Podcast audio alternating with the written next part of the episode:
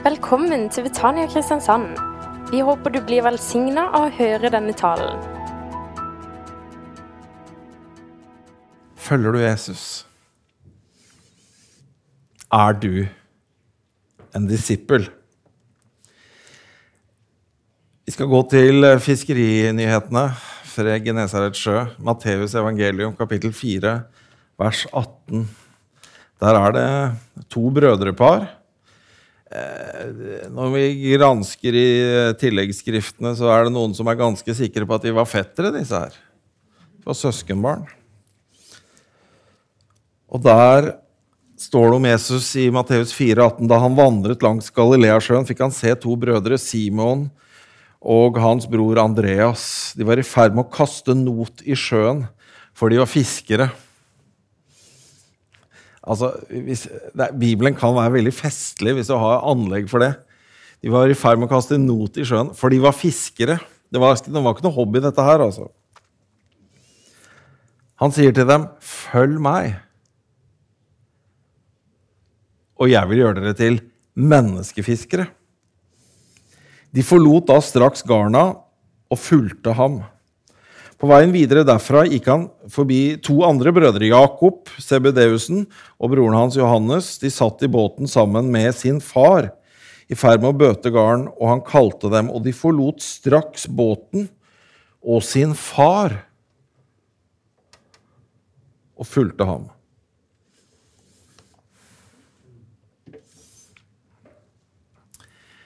Dette her, Utgangspunktet på disippelskap er et veldig dramatisk bilde.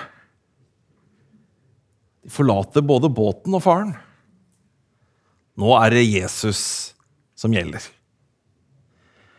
Og eh, når i Apostelens gjerning i kapittel 11 så snakkes det om den spennende menigheten i Antiokia, at disiplene der ble kalt kristne. Og det betyr at disiplene ligna på Kristus. Det er det det betyr. Kristen betyr ligne på Kristus. Kristen er et ord som er så brukt i så mange sammenhenger at det er litt slitent. Det kan bety alle mulige ting.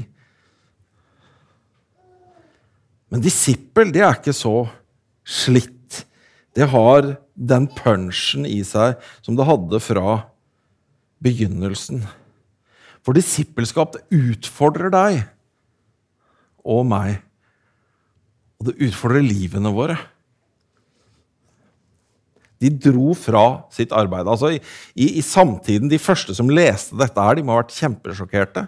Og huske på det at Veldig mange som leser Bibelen, kanskje ikke så mye i dag, men historisk sett så er jo ufrihet det er jo dagens lov. Livegne bønder i Europa kunne holdt si, gjennom kristen tid tusenvis De hadde ikke lov til å forlate, de hadde ikke lov til å krysse bekken uten tillatelse fra godseieren. Langt mindre de, de fikk beskjed om hvem du skulle gifte seg med osv. Ufrihet har vært virkeligheten til så mange mennesker i historisk tid. Vi har hatt slaveri opp til 1700-1800-tallet. Det fins moderne slaveri den dag i dag. Ufrihet. Disse utøver tross alt en form for frihet. Ikke alle har det, men mange kristne har funnet en måte å være disipler selv om de ikke kunne forlate noe som helst. Selv om de var bundet i sitt liv, så fant de en indre frihet. Det er sjokkerende. Hvordan kan de dra fra jobben? Hvordan kan de dra fra fiskeriene? De hadde vel familie. Hvordan skulle de få mat? Og faren, da? Skulle han sitte igjen med all fiskesloen og, og fikse det garnet alene for en, for en, dårlig deal for den faren? Sebedeus.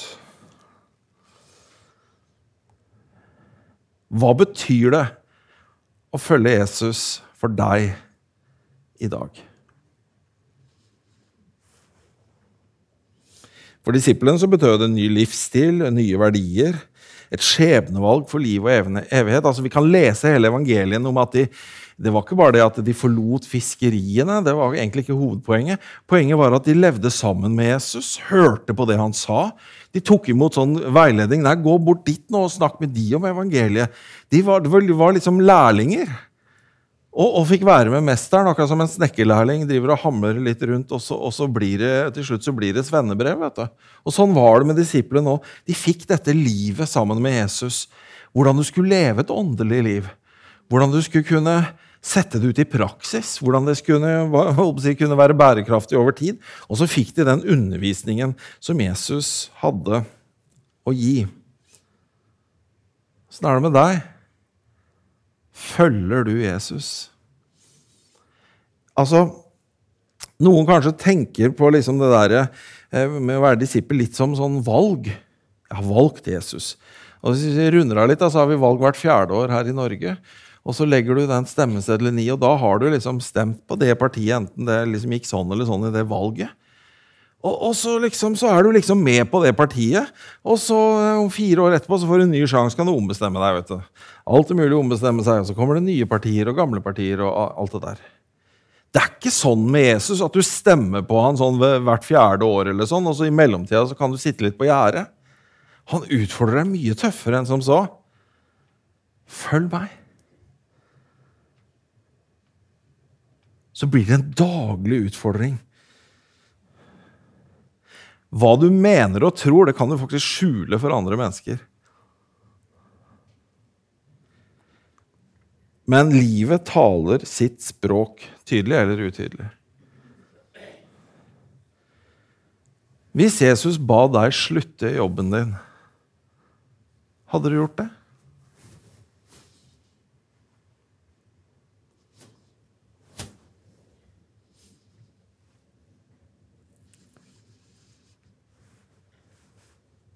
For skjønner, Da begynner vi å pirke bort i ting som sitter litt dypt. Identiteten vår, hva som gir oss, forteller oss hvem vi er. Liksom, 'Jeg er den og den.' Så begynner Jesus å pirke borti det. Utfordrer tilhørigheten din, identiteten din. Hvilke forandringer i livet vet du at Jesus kaller deg til, men så har du ikke gjort det? For det er greia, skjønner du. Han taler vet du, i det stille. Du vet det der inne. Men så er det det å gjøre det, da.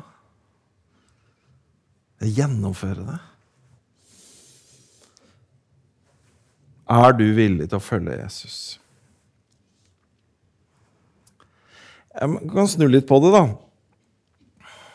Vi har jo ikke forfølgelse her i Norge. Eh, jeg har fått noen stygge gloser fordi jeg er kristen, men det, ikke, det, det er ikke null på skalaen engang av forfølgelse. Kanskje det, er, kanskje det er en tusendel, liksom. Det er jo ikke det. Men, eh, men la oss si det var eh, forbudt da, å være en disippel av Jesus her til lands. Er det bevis nok til å dømme deg?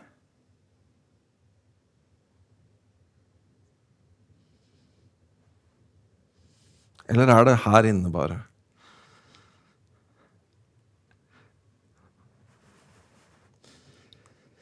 Å følge Jesus Skal jeg ta fram bilnøkkelen her? Det er å gi han bilnøkkelen til livet ditt og sette deg inn på passasjersida. Det blir en annen sjåfør som setter retning og vei. Og jeg vet ikke, når du jeg vet ikke hvordan det er med deg, men Når du først har en bilnøkkel, så gir du ikke den fra deg utrengsmål. Er, er, det, er det sånn gutteting, det? Er det det, karer? Altså, det der Bilnøkkelen, den, eh, den, gir du ikke til hvem som helst. Er det litt sånn? Det er i hvert fall sånn med livet.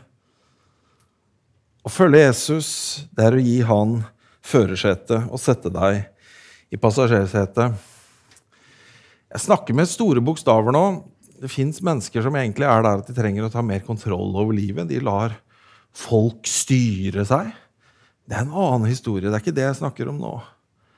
Jeg snakker om om de våger å la Jesus få kontrollen og det avgjørende ordet. Disippelskap. Hvordan begynner disippelskap i Bibelen? La oss se i Apostelens gjerninger, kapittel 19 om starten på disippelskap, sånn som Bibelen beskriver det.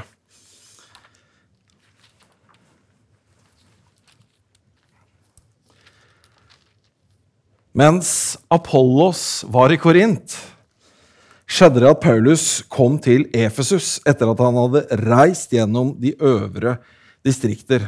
Der fant han noen disipler. Altså det er jo sånn, han gikk langs veien og fant noen disipler. Det, det, det, igjen er det, Hvordan fant han dem? Altså, og hvordan visste han at de var disipler? Ja, det, det kan vi lure litt på. Og han spurte dem, 'Fikk dere Den hellige ånd da dere kom til troen?' Dette er gøy. De svarte, 'Hæ? Vi har ikke engang hørt at det er noen hellig ånd.' Her var det ting som ikke var klart for dem.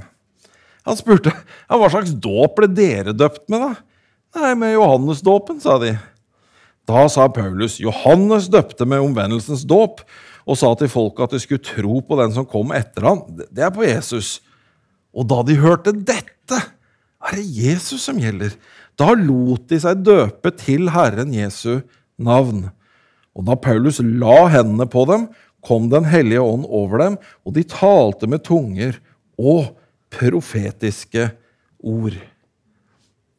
Du skjønner, dette med dåp er veldig nært knytta til den kristne fortellingen om å begynne å være en Jesu disippel. Og nå lever jo vi her i, i, i Norge, da, hvor vi, hvor vi, har to dåpssyn. Og, og, og, vi her i menigheten har jo lagt oss på en sånn på en sånn eh, Vi vet jo at det er veldig mange gode kristne som ikke deler det baptistiske dåpssynet, så vi har jo sagt ja, du kan være medlem her likevel. Vi forkynner troende dåp. Vi har det veldig tydelig her med dåpsbasseng. Eh, men, eh, men vi vet at det er gode kristne som ikke deler det synet, og det er historiske grunner til det. Så jeg skal snakke med innestemme om dåp.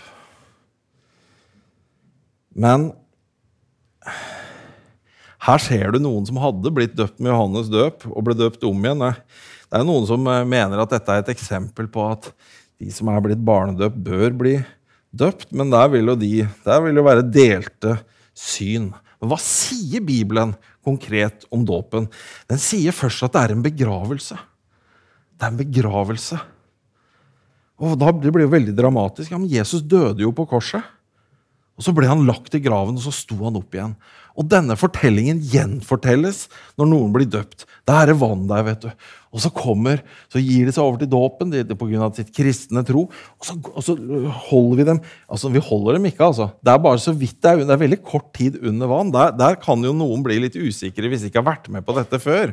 At vi liksom holder dem litt Jesus var jo tre dager i graven, ikke sant? og det blir jo i lengste laget for, for oss. Og det er heller ikke sånn at vi dypper noen under tre ganger Faderens, Sønnens og Helligåndens navn. Det vil jo kanskje noen tro, og, og sånn, men, men, men under må det.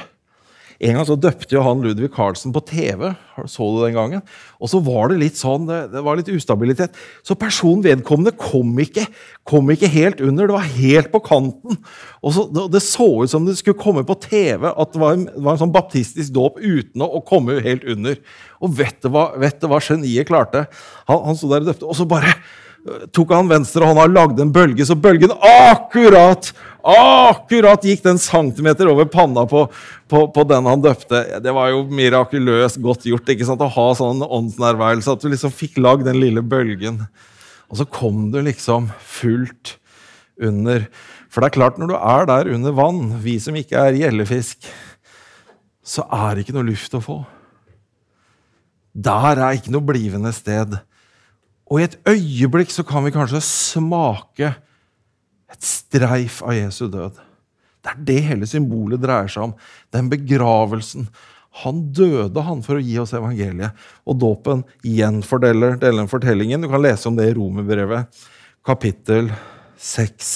Når vi tror på det frelsesbudskapet, så er det tiden kommet for å, å la seg døpe.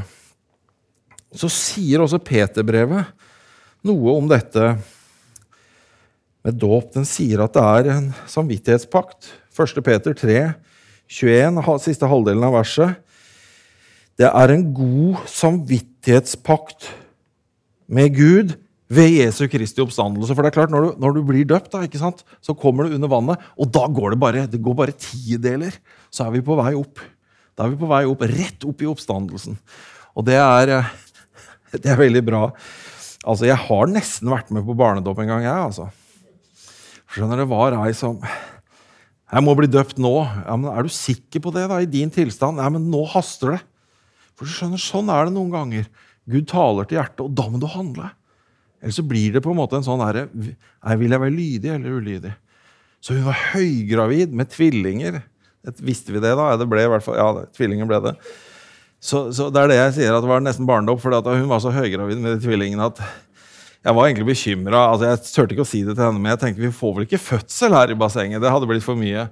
Så, så, så, så, når vi da fikk henne under, så var det jo tre egentlig som var under. Og det, det, det, det krevde sin kar, det der, den dåpen der. Det, skal jeg være berømme. Det skal jeg bare si. Det var, var, var tungt.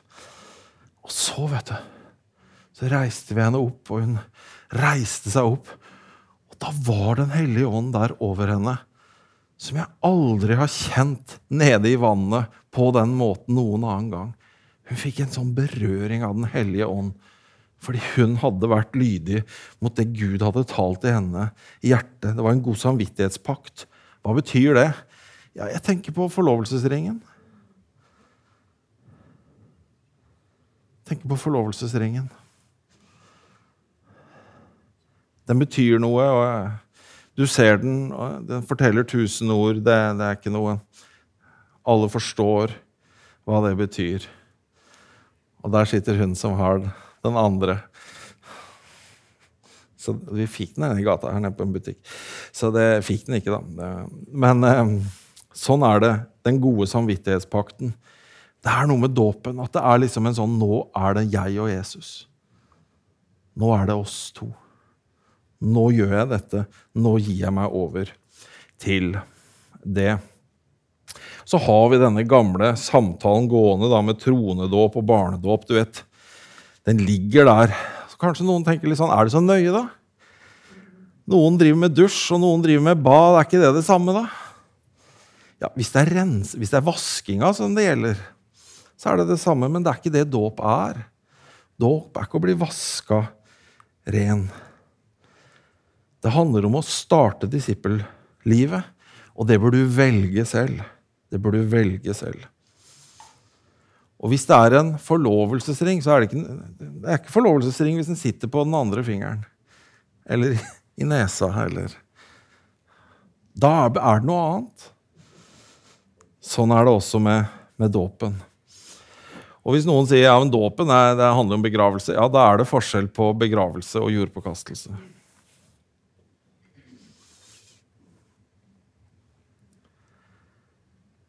Og du skjønner, det å være en disippel det er noe som begynner.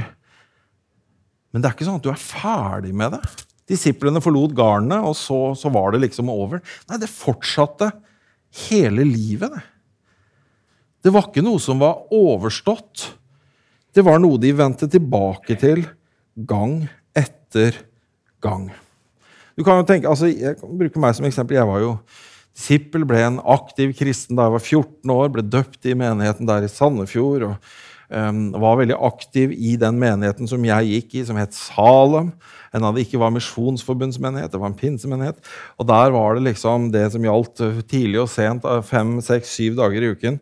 Og, og, det var liksom veldig sånn intenst. Og så nå er jeg jo blitt profesjonell kristen. Jeg får jo betalt for å være litt kristelig. Uh, og så kan man tenke at da, da er vel ikke jeg disippel lenger. Jo, selvfølgelig. Det er jo det jeg er. Det er det jeg ikke kan slutte med å være. For det er jo det som er hjertet. Det er jo det som er det sanne i et sånt kristent liv. At jeg er en disippel. Du er kalt, jeg er kalt til å fortsette. Ikke bare begynne, men fortsette å være en disippel. Og det utfordrer vår identitet. Hvis det bare er noe ved en stemmeseddel hvert fjerde år, så er det noe litt overfladisk. Men Jesus kaller oss dypere. Er det noe som følger deg? Er det noe som er din identitet? Det er kallet fra han. Det er det sterke i dette kallet. Jeg vet ikke, Det med jobb Jeg brukte vel det som eksempel. Fiskerne forlot jobben. Altså, jeg vet ikke, Folk har sikkert forskjellig forhold til dette med jobben sin. Hvis du ble spurt 'Hvem er du?' Hvordan vil du beskrive det? Jeg har hørt at uh, hvis du spør en Ola Nordmann om det, hvem er du, så vil eh, vedkommende veldig fort svare uh, og si noe om jobben han har, yrket sitt. Mens hvis du spør en japaner om det samme, så vil han fortelle om sin far og sin bestefar. Ideen vi har om hvem vi er, kan være kulturelt betinga. For noen er det altså familie, forfedrene. som er kanskje første innslagspunktet. For oss, mange i Norge, så vil det være jobben som er et innslagspunkt. Men hva vil det være for deg? Hva er det for deg? Hvem er du? Det sies om dette med jobb som identitet at britene de har lange arbeidsdager, men, men de jobber egentlig sakte. Eh, jobben er livet. Det er der du lever. Men så har jeg denne som sa dette, sa at australienerne de fra Australia de jobber veldig hardt, men raskt, for å ha tid til livet. Det er jobben noe du bare gjør for å kunne begynne livet. Ser du at Hvis det er sånn, så er det, spiller det inn på hvordan vi tenker. Hva er livet vårt? Hvem er jeg? Og vi er veldig heldige her i vårt samfunn, for det er utrolig mange prosent av oss som får lov til å ha arbeid som er så dypt meningsfull at vi faktisk kan si at ja, det, det er litt av identiteten vår. For vi får ha veldig gode, meningsfulle jobber. Og vi skal vite hvor heldige vi er. Se på historisk tid. Vi lever i en tid hvor vi er heldige. Men så kommer Jesus og begynner å pirke borti oss. Hvem er du? Så vet vi disse ordene som brukes i Bibelen. Guds barn. Han utfordret familierelasjonene våre. på en måte. De forlot sin far. Kanskje familien er identiteten din. Men så, så kommer Bibelen og sier dere er brødre og søstre i en ny familie. Utfordrer også det. Utfordrer identiteten i jobben din og han utfordrer vår identitet. Derfor står det noen veldig sterke ord i Galaterne 2,20. Jeg må nesten lese det. Hadde ikke dette stått i Bibelen, tror jeg ikke jeg hadde turt å si det. egentlig. Jeg lever ikke lenger selv. Dramatiske ord. Men Kristus lever i meg. Ser du tilbake til dåpen, begravelsen? Du, du legger liksom noe bak der. Jeg lever ikke lenger selv. Det livet jeg nå lever i, i, i kjødet, det lever jeg i troen på Guds sønn, han som elsket meg og ga seg selv for meg. Og 2. Korinterbrev 5, han som, 15, han som døde for alle, for at de som lever, ikke lenger skal leve for seg selv, men for ham som døde og ble reist opp igjen for dem. Derfor, om noen er i Kristus, da er han en ny skapning. Det gamle er forbi. Se, alt er blitt nytt. Det ligger en dyp hemmelighet her, for det ligger en sånn der naturlig refleks hos oss mennesker å holde på vår identitet, bevare vår identitet og beskytte den. Men denne verden er sånn at kreftene i den kommer til å stjele vårt åndelige liv hvis vi ikke følger Jesus og våger å risikere å oppgi identiteten vår. Hvis vi ikke er villige til å overgi vårt eget, så taper vi det vi har. Det ligger en dyp utfordring i det, og en dyp velsignelse. Og dette, dette her at vi er disipler, jeg fornemmer at det er det som forbinder oss. Og dette her med at Eh, det, ting er at vi, liksom, vi, går i en menighet sammen, og da kan jo det bli på en måte en organisasjon, og vi ønsker denne menighetens vel. og det, det, spiller inn sånne ting, Men du merker det spesielt når du møter andre kristne. Og, og noen ganger så, så, er det ikke alltid jeg kan innrømme det, at jeg har møtt kristne og tenkt at jeg ikke opplevde at det var noe bånd, men ganske mange ganger så opplever jeg en sånn, en sånn nærhet. Det er et eller annet, det er en streng der. Det er noe som vibrerer. Det er noe som liksom knytter meg sammen. Jeg opplevde det fantastisk eh, ekstremt på en måte på besøk på Misjonsparken. Jeg tenker nede i Afrika. Jeg, prekte der på første påskedag. Masse folk. og eh, Nede i en by som heter Hvor var det det var? Da? Jeg har glemt hva byen heter. Det kan jeg finne ut etterpå hvis det betyr noe. Og så, og så, og så begynte jeg å danse med dem, fordi de, de dansa i gudstjenesten. Og jeg kan jo ikke danse. så jeg jeg egentlig tenkte jeg, nå, nå dummer jeg meg ut, nå må de le seg i skakk når de ser meg danse. Men de, de lo. Men jeg tror ikke egentlig de lo av meg, for jeg merka at de, de, ble glade. For da, da kjente vi det der båndet. Vi danser for Jesus sammen. Men han kan ikke danse. Han er så bleik i huden. Så gikk jeg opp og sa, er det ikke rart at du har en bror som er så lys i huden? Og da lo de av glede. Det var et bånd som krysset de kulturelle og, og etniske grensene. Og så var vi ett. Disippelskapet forbinder oss. Jeg opplevde det. Kommer aldri til å glemme disse studentene jeg møtte i Paraguay, i Villarica. Det var en sånn derre De vibrerte, sånn som jeg føler av og til når ungdommene i lovsangstimen synger. De vibrerer. Jeg, jeg, husker det så godt, hvordan de bare de ville leve for Gud. Jeg prøvde til og med å lære meg spansk for å snakke med dem. Jeg kan jo ikke spansk, vet du, men det, men det vibrerte. Vi hadde noe felles, et bånd som gikk til andre siden av jordkloden, og det vibrerte som en streng. Og jeg har opplevd det med Tore Johansen, vår egen misjonær, oppe med shanfolket nord, nord, nord i Thailand. Flyktningene som har kommet over grensen. Veldig fremmedkultur fra meg. Men så er vi der sammen i bønnen og lovsangen, og så er vi disipler sammen. Og vet du hva? I går så opplevde jeg det igjen. Jeg dro ned til Heerenveen for å se på skøyter. Og så gikk jeg på torget i går der nede.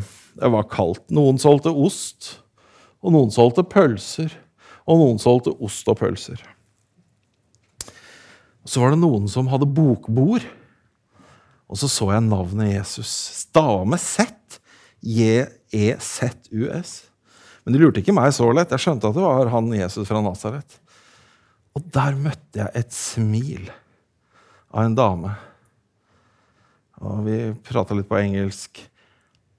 Er det en broder? Det var så utrolig interessant. Det var helt ærlig, det var høydepunktet på hele turen. Der, de andre greiene, det var jo interessant. Men det var det møtet med det mennesket jo da, hun gikk i pinsemenigheten der, og jeg ble invitert på møte og sa nei, jeg skal jo i Betania, så jeg kan ikke komme. Men så var det en sånn streng, et sånt hjertebånd, fordi vi er disipler. Fordi vi tilhører den samme Herre.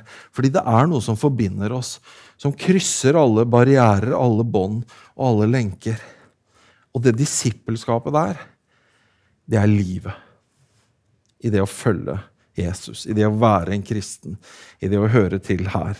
Og Disippelskapet det trenger vi for den personlige frelse. Vi har jo dette bibelverset dersom med din, du med din i ditt hjerte tror at Gud oppreiste ham fra de døde, og med din munn bekjenner at Jesus er Herre, så skal du bli frelst. Men det ligger en nøkkel i dette. Jesus er Herre. Det er jo disippelskapets nøkkel. At han er sjefen. Ja, Da kan jeg fram med bilnøkkelen igjen. Hvem er Herre? Jesus er Herre. Da må han få bilnøklene. Så må du sette deg i passasjersetet og tenke dette blir en spennende tur. Og Det er nødvendig for frelse. Men det er også en nødvendighet for menighetens helse og vekst. For skjønner Det er mange folk som tar ansvar her og gjør de usynlige tingene.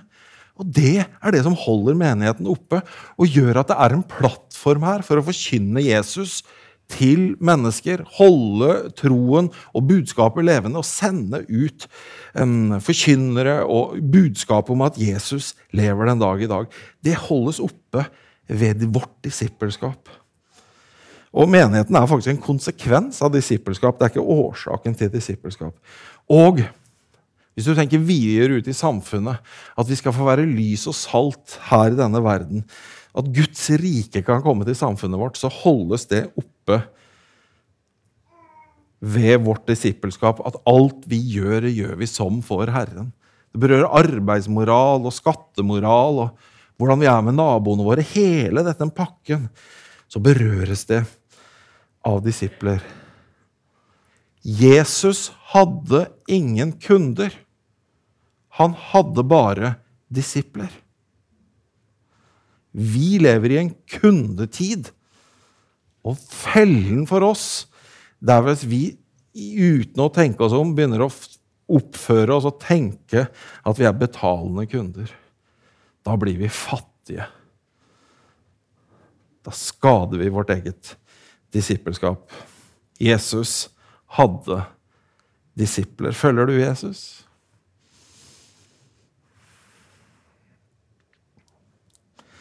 Et liv med Jesus som disippel skaper forandringer. Følg meg, sa Jesus. Og det, det handla jo fysisk om å bevege føttene, men, men det handla mentalt om å lære noe nytt. Det handla åndelig om å omvende seg fra oss selv til Gud. Og Den hellige ånd vet du, den, den er utgitt. Den er her i dag. Den er jo hjemme på hybelen din også. I huset ditt. Når du setter på musikk eller konsentrerer deg eller åpner ditt hjerte eller leser i Bibelen. Men det er akkurat som det er, det er litt mer her. Vi, det er akkurat som vi skraper sammen troen, og så blir det liksom bål av gamle glør. Skjønner du bildet? Vi skraper glørne sammen, og så blir det mer. Blir det mer. Og i dette åndelige så kommer Den hellige ånd til Jesus-disiplene og hvisker inn i øret. Skal du holde på med det der? Og Den hellige ånd hvisker, nei, legg om kursen. Juster. Juster nå. Slipper du å gå på skjæret. Snu mens du kan. Jesus han utfordrer til forandring. Bare les i Nytestamentet, så ser du at fariseerne Hvem var det, forresten? Jo, det var de som leste i Bibelen hele tiden, og som gikk til helligdommen hele tiden, og som uh, syntes at de andre burde leve riktig. Det høres til forveksling ut som aktive kristne i Norge i dag. Oh, svir det litt? Hvorfor står det så mye om fariseerne og Jesus som irettesetter dem? Er det fordi vi trenger å høre det, vi? Det har jeg begynt å lure på. Da jeg var liten, ung kristen, så lo jeg av disse tekstene og syntes Jesus var liksom tøff. Han vant liksom den verbale slåsskampen med fariseerne. Men siden har jeg begynt å tenke kanskje det er sånne som meg som trenger å høre det der. Oh. Som trenger å bli minnet på barmhjertighet, nåde. Fariseerne ble utfordra av Jesus til barmhjertighet og nåde. Synderne ble utfordra til omvendelse. Det ble de. Og disiplene de ble utfordra til å bli forkynnende misjonærer. Til å leve liv hvor de delte det de hadde fått. Alt forandrer seg. Til og med sola. Mange mange, mange hundre år så, så man på sola som uforanderlig, men det er, det er solflekker som kommer og går osv. Er det ikke elleve år, eller hva det er disse syklusene er? Det påvirker nordlyset. så Da er det nordlyssesong, da er vi i en eller annen av disse syklusene. Og så blir det mer nordlys. Og så, så er det andre tider hvor det er mindre solflekker. Alt forandrer seg. Og du som er en disippel, hva slags forandring er Den hellige ånd ønsker for deg nå.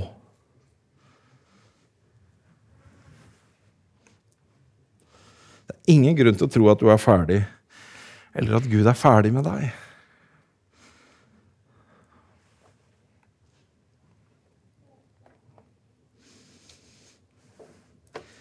Jesus sa, 'Følg meg', så vil jeg gjøre dere til menneskefiskere.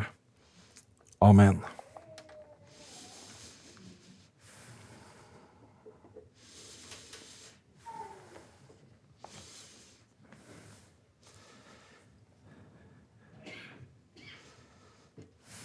La, la, oss være litt i, i bønn. Vi skal gå inn i lovsang.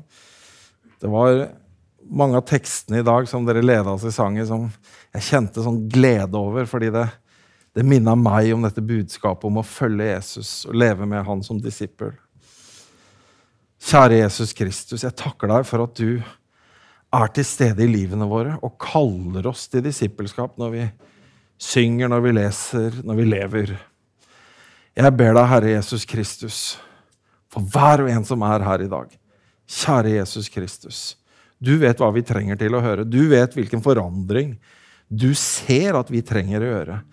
Og Jeg bare takker deg for at du skal lede oss videre, og at vi må få lov til å være villige til å følge deg og slippe det garnet som holder oss fast i et eller annet som vi trenger å løsne fra. I Jesu navn. Amen. Du har nå hørt en tale fra Betania Kristiansand. For mer informasjon kan du besøke våre hjemmesider på betaniakrs.no.